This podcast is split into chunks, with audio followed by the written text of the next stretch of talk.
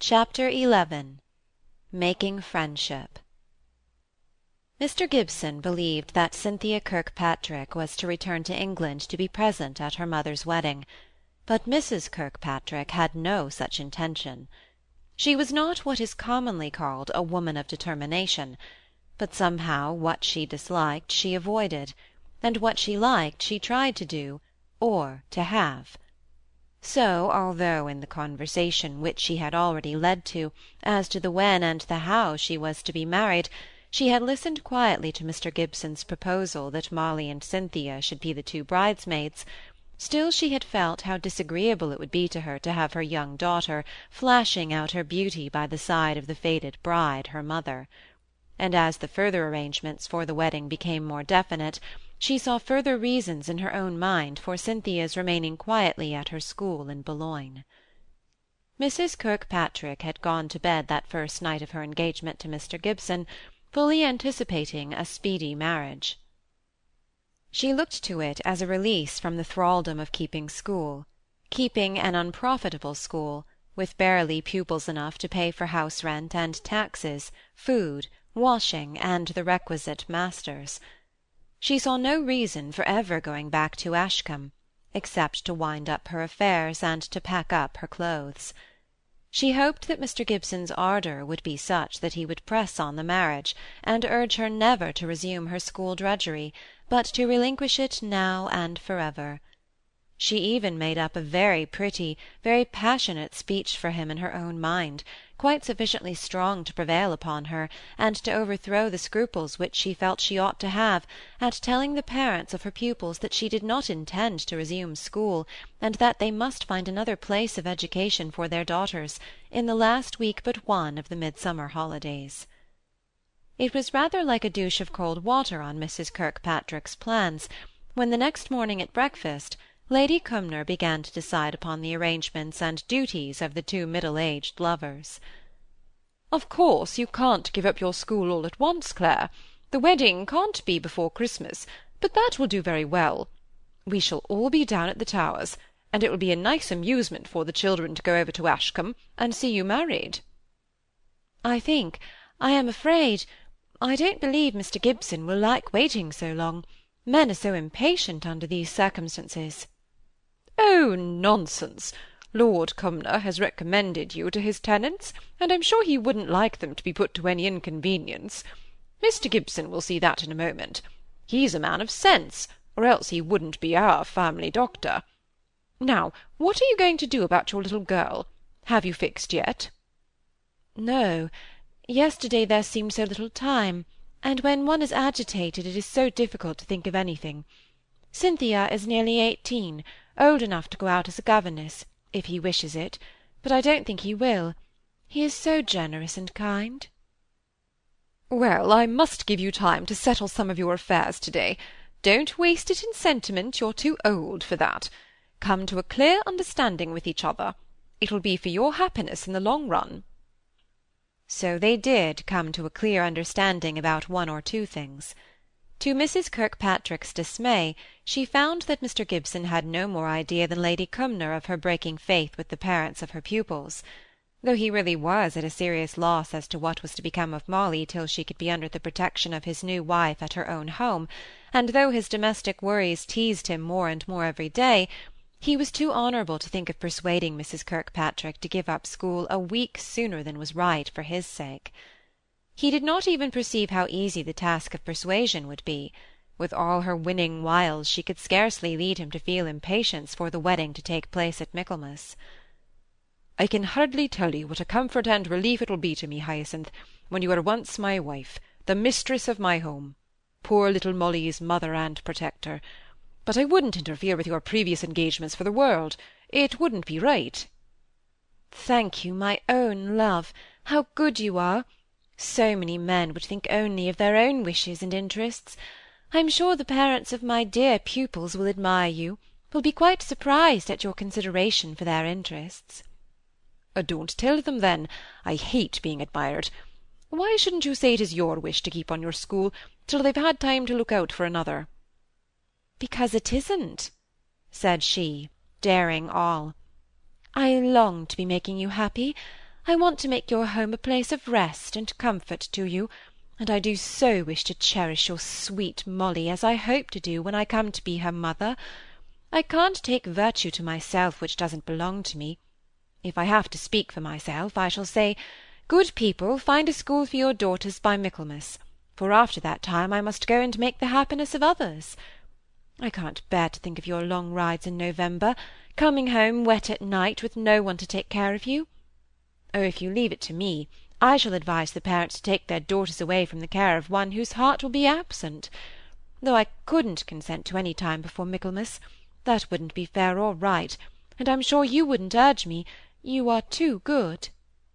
Well, if you think that they will consider we have acted uprightly by them, let it be Michaelmas with all my heart. What does Lady Cumnor say? Oh, I told her I was afraid you wouldn't like waiting, because of your difficulties with your servants, and because of Molly. It would be so desirable to enter on the new relationship with her as soon as possible.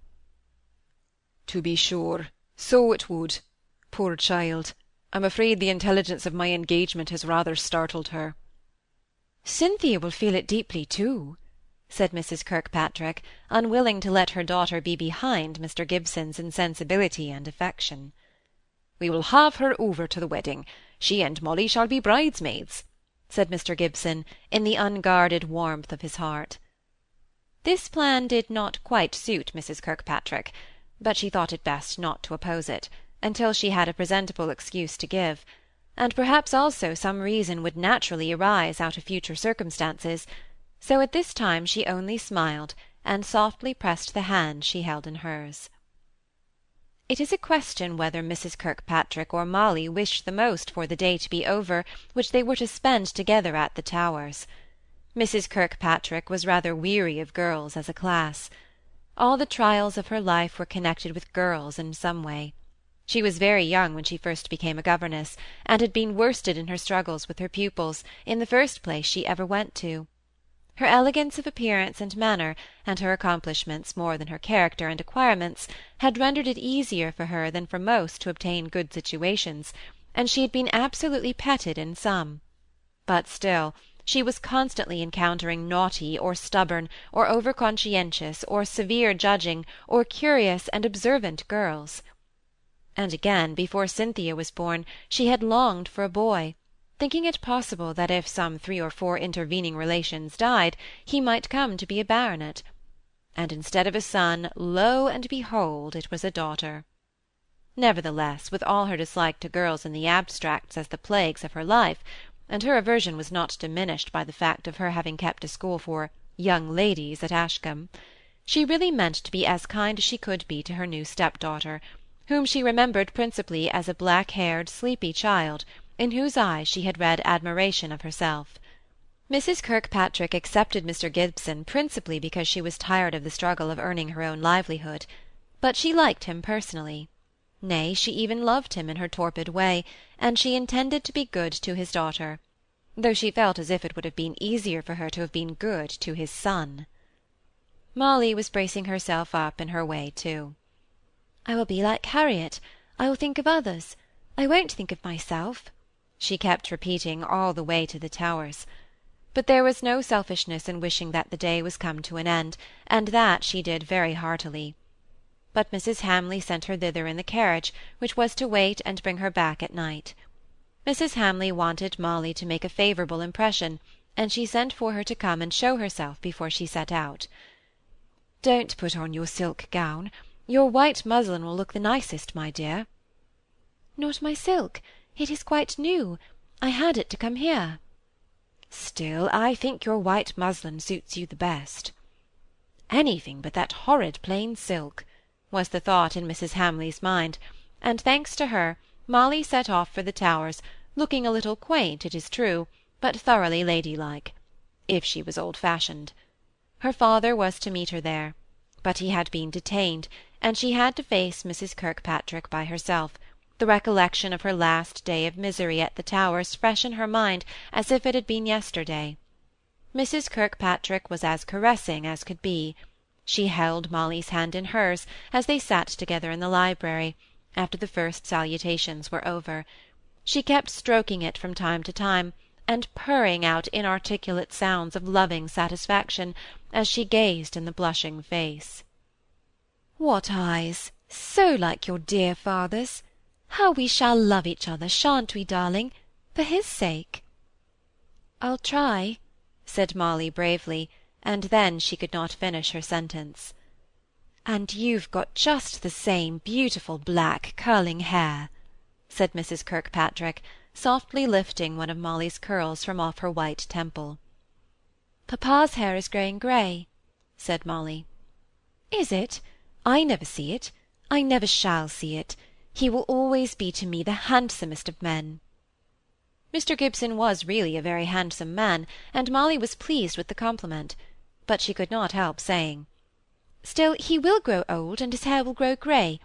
I think he will be just as handsome, but it won't be as a young man." "Ah, that's just it, love. He'll always be handsome. Some people are. And he is so fond of you, dear." Molly's colour flashed into her face. She did not want an assurance of her own father's love from this strange woman. She could not help being angry; all she could do was to keep silent.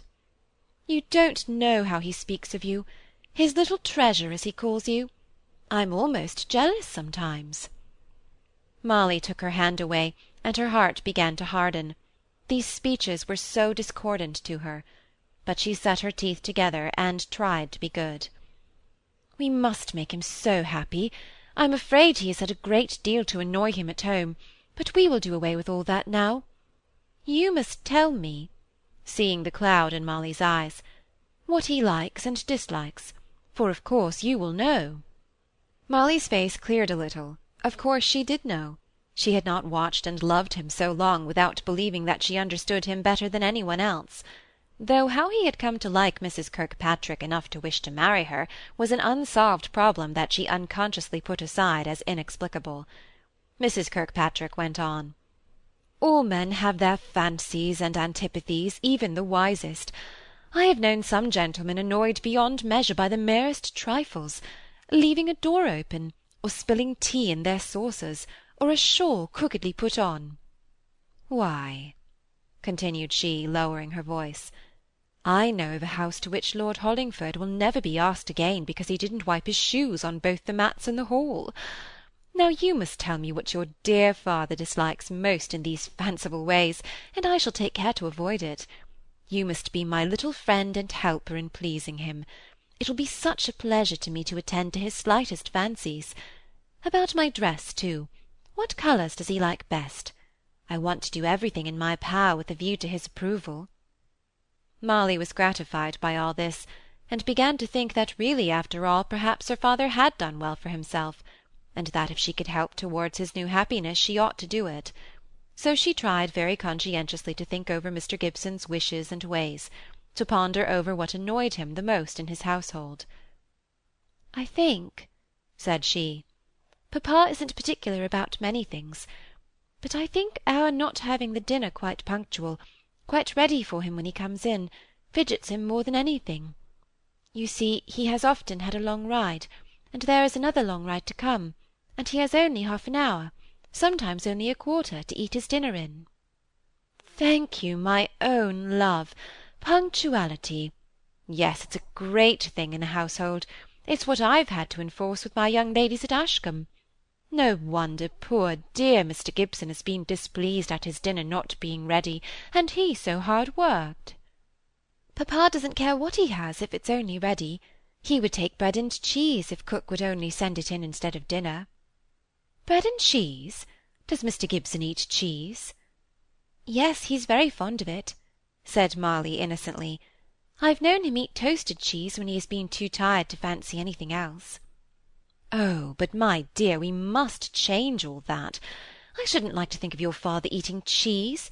It's such a strong smelling, coarse kind of thing. We must get him a cook who can toss him up an omelette or something elegant. Cheese is only fit for the kitchen." Papa is very fond of it," persevered Molly. "Oh, but we will cure him of that. I couldn't bear the smell of cheese, and I'm sure he would be sorry to annoy me." Molly was silent. It did not do, she found, to be too minute in telling about her father's likes or dislikes. She had better leave them for Mrs. Kirkpatrick to find out for herself. It was an awkward pause. Each was trying to find something agreeable to say. Molly spoke at length. Please, I should so like to hear something about Cynthia, your daughter. Yes, call her Cynthia. It's a pretty name, isn't it? Cynthia Kirkpatrick. Not so pretty, though, as my old name, Hyacinth Clare.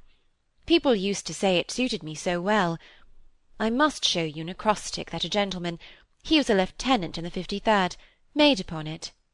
Oh, we shall have a great deal to say to each other, I foresee. But about Cynthia? Oh, yes, about dear Cynthia. What do you want to know, my dear?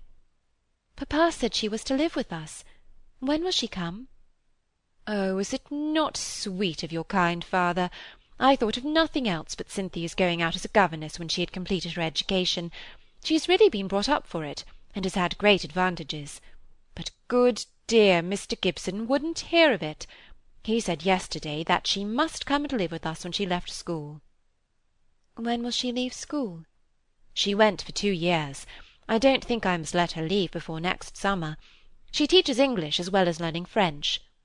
Next summer she shall come home, and then shan't we be a happy little quartet? I hope so, said Molly. But she is to come to the wedding, isn't she? she went on timidly, not knowing how far Mrs. Kirkpatrick would like the allusion to her marriage. Your father has begged for her to come, but we must think about it a little more before quite fixing it. The journey is a great expense. Is she like you? I do so want to see her. She is very handsome, people say, in the bright-coloured style, perhaps something like what I was. But I like the dark-haired, foreign kind of beauty best, just now touching Molly's hair and looking at her with an expression of sentimental remembrance. Does Cynthia—is she very clever and accomplished? asked Molly, a little afraid lest the answer should remove Miss Kirkpatrick at too great a distance from her. She ought to be. I've paid ever so much money to have her taught by the best masters. But you will see her before long, and I'm afraid we must go now to Lady Cumnor. It has been very charming having you all to myself, but I know Lady Cumnor will be expecting us now, and she was very curious to see you. My future daughter, she calls you.